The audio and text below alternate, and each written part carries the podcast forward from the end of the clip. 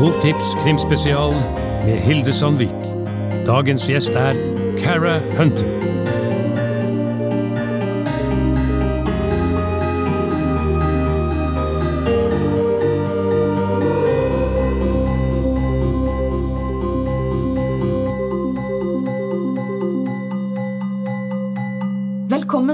Krimfestivalen. Mitt navn er Hilde Sandvik, og jeg er så heldig å få sitte her sammen med Cara Hunter. Cara Hunter er en krimsensasjon, kom ut med en bok som solgte, tror jeg, nesten en million bare i UK. Har gitt ut flere bøker etterpå med Adam Foley og hans crew rundt seg som politifolk. Nå er hun ute med en bok i Norge som heter Alt dette raseriet, All That Rage. Welcome, Cara. Thank you for having me.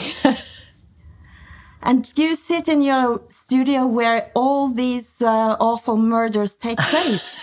is that true? Yes, yeah, yes. This is a very quiet room where, where I think up really gruesome things to happen, but no, not really. Uh, but yes, I, I have this is my, my writing room at home, so I'm at home in Oxford at the moment. But it's true, isn't it? I mean, all these kind of uh, almost true crime-ish uh, novels that you have out on the in the market because it's like when when we read you it's it could happen perhaps it's true it's underlining there every every almost every sentence. It could happen. And i know that you are very very fond of true crime. Isn't that true? Yes I, it's my guilty pleasure watching true crime yeah. but now i i excuse it with my husband by saying it's research so he he lets me yeah. do it now which which is which is good. it, he lets me do it. But yes you're right about the idea of that the crimes could happen because um uh, with my books, I'm I'm very interested in the sorts of crimes that are more likely to happen to ordinary people. So not extreme things like being the victim of a serial killer, which obviously can happen, but it's very very rare. But uh, the sorts of crimes that I'm looking at are the things that happen when relationships go wrong, particularly when families break down, when people, ordinary people, well meaning people, find themselves in impossible situations and sometimes then make bad decisions. So that's really the sort of uh, uh, territory that I'm interested in because, as you say, we can all imagine ourselves in that position, p- perhaps as a victim or even as a perpetrator if we ended up in an impossible situation. And I mean, most of us, I, I, I think it when I read your novels as well, that I don't see myself as a murderer. Of course, we don't do. But also the fact that in certain situation you could end up as someone without even meaning it. Suddenly you're stuck in your own life. Yes. And that is uh, cruel, isn't it? Well, I think that's where most crime really comes from. I, I think most crime does come from those sorts of situations. Um, and also just the surroundings people find themselves in. And everyone has secrets, um, even from the people that they love the most. And everybody lies. There's, you know, that's the, an old saying everybody lies, everybody has secrets. And sometimes those secrets get out of hand um, and you end up doing things you shouldn't do, and then you do something else, and then something else, and then before you know it, uh, everything's gone wrong, and and that's the sort of situation that I that I find interesting. Those sorts of tensions. And this last uh, this last novel, um, all that rage. Uh, what do you want to tell about it?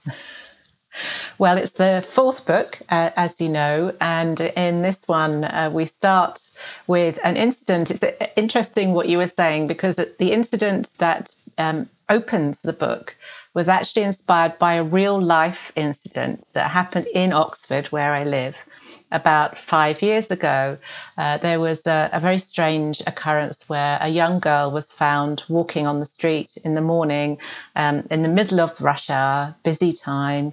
Um, she was in a distressed state and she said she'd been abducted and assaulted. So it became a really big case locally. Um, the police were putting out a lot of alerts. There were questions. People were stopped on the street and asked if they had seen anything. They looked at all the cameras. and and no one. It seemed that they couldn't find any evidence of anything, and then it went quiet for a while. And then suddenly, about a month later, they announced that um, they were dropping the investigation and effectively nothing had actually happened. So it was a real mystery. Ah. Um, and I don't know yeah. what happened. I don't know the girl. I don't. I don't know the story after that or before that. Yeah. Um, but it did make me start to wonder um, how someone could end up in such a, a, situation. What a you know a strange and terrible place to find yourself to have apparently made up a story like that. So that made me start to think. Um, and then, um, obviously, the story that I came up with is not that story exactly, it's a very different one. But that very first incident, which was so, it made such an impression on me. That's the opening of the book. Uh, a girl is found wandering in a distressed state in, in the outskirts of Oxford, and uh, she won't go to the police she refuses to go to the police. No, and she refuses, and her mother refuses as yes, well. And uh, it takes some while before things start starting to open up. Absolutely. And she says it's just an April fool because it's the 1st of April. And she says it was just a prank, though she's clearly been, you know, physically assaulted in some way. Um, so there's a mystery there, and that's what where the the, the story starts. Um, so uh, that's that's the thing that I think you know gets gets the reader's interest that, that uh, what what's happened and why won't she report this crime. Yeah, and and you also keep on to your your main characters mm -hmm. here, mm -hmm. but they also seem to go through a development. Uh, how do you follow your characters? Yes. And tell about them. Yes, it's interesting because when I, I had the first book published, Close to Home, which was, was some time ago now, three or four years ago, um, I didn't know then that it was going to become a series. I thought I would be lucky if it was published. So it would be a one, you know, one book. And then when it was bought, people wanted me to write some more. And I realized I had to to develop my characters, even though I hadn't uh, I hadn't thought of them in the first place uh, with that in mind. But I've been quite lucky because um, they do seem to have a lot of uh, interesting aspects to their personalities. Uh, especially Adam, my my main character, obviously Adam Fawley, um, and he's I, I, I, really like him, which is which is a good thing. it would be it would be a shame if I didn't like him because uh, I spend a lot of time with him now, and and because I write him um, in the first person, I it's almost like he's sitting on my shoulder and talking to me, so I hear his voice, which is uh, which is nice. It's a nice thing. But it's it's funny because you talk about them as if they're alive and you are just like writing their lives while it happens.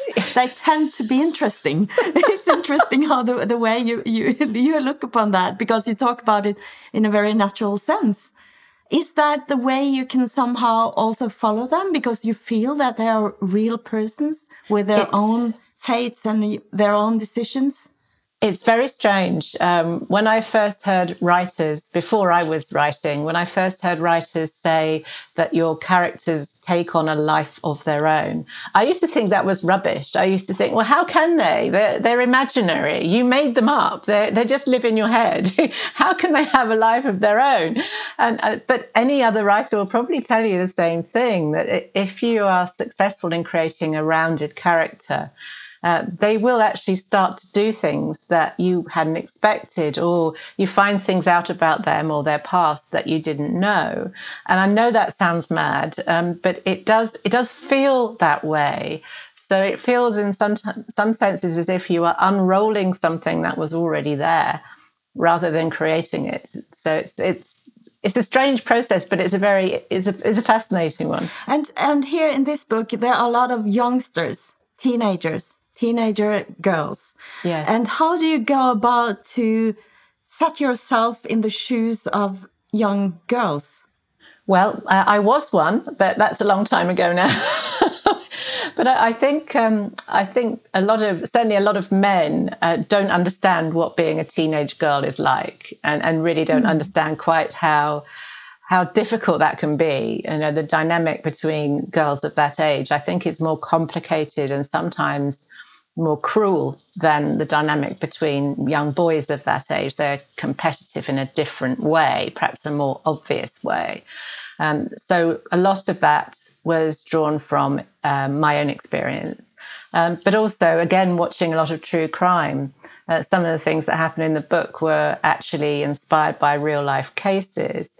So you know, they're things that I've actually looked at and researched that way as well in terms of um, how, because obviously now being a teenager now is very different from how it was when I was yeah, a teenager. It is. So.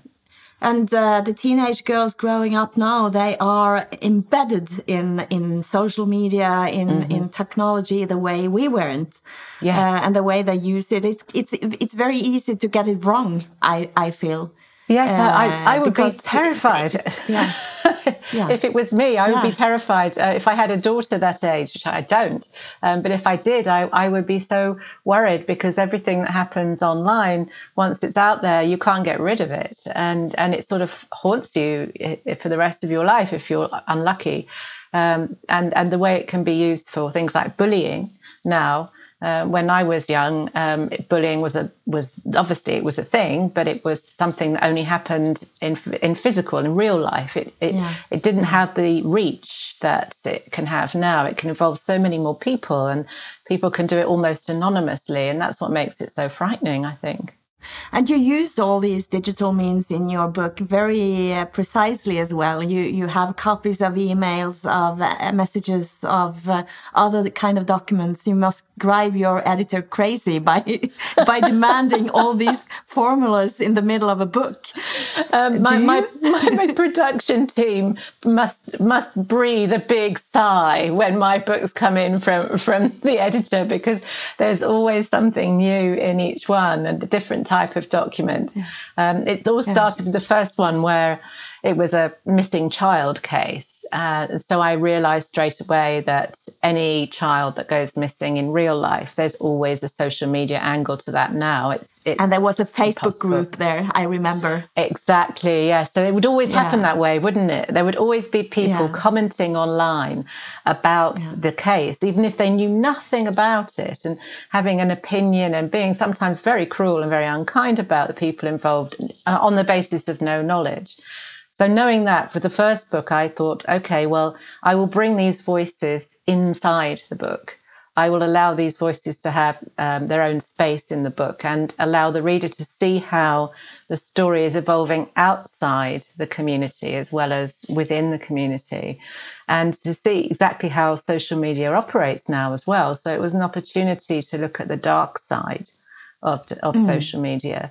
But having done that in that book and realized that people really seem to like it, um, I just developed it more with the following ones. So now I set myself a challenge to have a different sort of document in each book, a new one that I haven't done before. So, so that's always that's always a lot of fun. And this time, was it the birth certificate or what is? Um, what, yeah, what and, not, was it and the maps else? as well. There are maps in this yeah, one, which maps, yeah. yes, which I hadn't yeah. had before. Which again, my poor production team were were, were given a new challenge, but. Well, it, it, keeps them, you know, keeps them on their toes. there is a slight. I, am not going to reveal what it is, but there is a slight uh, tone in here, which is also a little bit political uh, and plays into a lot of discussions in the world right now. Were you aware of that? Was that somehow something that triggered you? Yes, I mean one of the the the ideas of the title, the word rage, anger in the title. Um, I wanted to uh, in the book to dis, to dis, sort of uh, look at things like uh, hate crime. So to explore issues that of uh, online hate crime, but hate crime in general, um, and and that that was definitely a, theme I wanted to look at. And some of the things in the book um, are actually quite painful. They were painful to write uh, and quite painful, I think, for some people to read. But it is a reflection of how life is. Um, so I didn't do that gratuitously. I did it because I thought it was important to look at these issues from from that point of view, and, and I think the nice thing has been that people who um, who know a lot about these issues, shall we say, without wanting to give too much away, um, have actually contacted me and said they think that it's been handled very sensitively. So I was very pleased about that because it, I didn't I, I, didn't want obviously to do anything that that um, would upset anyone. I wanted to do it in a in a, in a proper way. Because there are lots and lots of pitfalls there. Yes, yes, there are. As we um, know. Yes, of course. Uh, but I suppose uh, you have to look at things like that in fiction. You have to, sometimes you have to be brave. Sometimes you have to realize that if you're going to take on a contemporary issue that's controversial in some way, in whichever way, um, then there's there's always a danger that you might get it wrong. I work really hard not to get it wrong. Do you have readers to to check on that before you issue the book, or or how do you think around these things? Yes, I mean, I, I, do do a lot of research myself, um, obviously, while mm. I'm writing it. But, but yes, I do have people read it who have more knowledge, um, more personal experience than I do, um, that I could never have. Um, so yes, that's that was an important part of the process of of the final development of the story. That that, that it would be checked. And now you are sitting inside as we all do these days uh, and you're in oxford. I am. Uh, i don't know if you've been sitting there a year almost now or if you've been able to move around. It's a strange year isn't it? It's a strange year. Um, to start with when we in the uk we first went into lockdown uh, in march last year so nearly a year. Uh, and then and then we had this strange period um, of March and April where the weather was amazingly beautiful. So we had this extraordinary spring that was incredibly quiet. So you could hear the birds singing, there was no traffic. Um, in the centre of Oxford was absolutely beautiful because there were no people and you, no no cars. You could hear the birds. You could the buildings in this beautiful sunshine uh, had never looked that beautiful before. Um, so there was a time when it was actually like the earth was getting a breathing space. Mm. Uh, and that was really lovely. And because the, the weather was gradually getting better, uh, so we could be outside, it, it wasn't too bad. There was a novelty value to it, it was different. Whereas now, after all this time, and we've been through the winter as well, uh, there is no novelty value at all. Everybody is bored at, at best and um, frustrated and um, worn down and, and depressed and lots of other things. It's a, it's been a challenge this having it for this long. Even if we did have a bit of a break in the summer because it went back on again, it's it, it feels like it's been a year, even though technically it's mm. probably been more like mm. seven months, something like that. Yeah. But do you think uh, that has uh, in any way impacted you as a writer? I, I think it has in, in purely practical terms, yes. Um, when first yeah. lockdown started, I was finishing book five. Um, and luckily, I'd got to the stage where really it was just final edits, wasn't very much yeah. left to do. But now I'm writing another book, and that's much harder. That's really hard yeah. because normally I would I would be writing about now in, in this point of the year. I would be doing that, but I would have had a summer off. I would have been on holiday. I would have recharged my batteries. I would be feeling full of energy and full of optimism. Um, and I don't. I know. I, I like like almost everybody else. I, I'm I'm finding it hard to be energetic. I'm finding it hard to be motivated. So it feels like more of a labor than it would normally writing this first draft. But I mean, I'll get there. But it's it's it's hard work. But do you think I mean, we now sit here, we talk through the screen. We're not sitting on the stage as we normally do. Uh, and uh, we are so adjusted to do everything and anything online right now. And you already put all this digital measures of things into your book. How will that enter now your new books, the way we use technology? Have you been thinking about that? Not not specifically for the one I'm writing now, but I think it's an incredibly good question because I think publishing in particular is having to adapt in the same way that, as you say, we are now doing festivals this way because we don't have a we don't have a choice. So the challenge is to do it in a way that adds something rather than feels like it's not as good. It should be something that's different rather than being compared. So I think some of the things that people have developed in, in lockdown have been have been a really good idea and have been have made it possible for people to attend events they would never normally be able to go to because they couldn't travel. Uh, you know, it's too far or whatever. So I think that's that's a, a good challenge to publishing and book sales and things like that. How can you bring books to people through through digital means? Um, in terms of my but own books, I'm not the, sure. the other, yeah. Hmm. Oh, and the other aspect is, of course, also what it does to our our mental health. And we talked yeah. about all that rage. Mm. Uh, and on my way to the studio today, I, I passed a graffiti on the wall saying, You have to open up now, Bent Høie, which is the health minister. You fucking swine, you fucking pig. it's like, wait, I can't bear it. I can't bear this any longer. And I thought, mm. then I thought, well, this can also turn into a lot of murders. I mean, if, if we don't behave now, people can get, go postal, as they say in the US. Yes, yes. It, it, it's, um, it's a dangerous thing, I think, to have, have, as it were, conducted this global experiment in, in stress and put everybody under maximum stress at the same time for a long period. Um, it, it's unheard of before. Uh, and I think you're so right about the mental health consequences because I think it's like the bottom of the iceberg at the moment. That there is, there's been a huge pressure on all of the health services around the world, but that's just the top of the iceberg. I mean, it's been huge, it's been unprecedented, but it's still only the top of the iceberg. Whereas the, the part that's under the water is much, much bigger. And I think that's the mental health issues, some of which might be coming through already, but I think some will take a long time to work through. Um, and particularly the impact on young people, um, not only children who can't go to school, but young people who've been deprived of a, a proper university experience. And, and I'm, I just, my heart goes out to them really, because that's such a special time of your life. And to have lost a year of it or even a year and a half of it is is is not something you can replace. You can't do it again. You can't go back and have another go.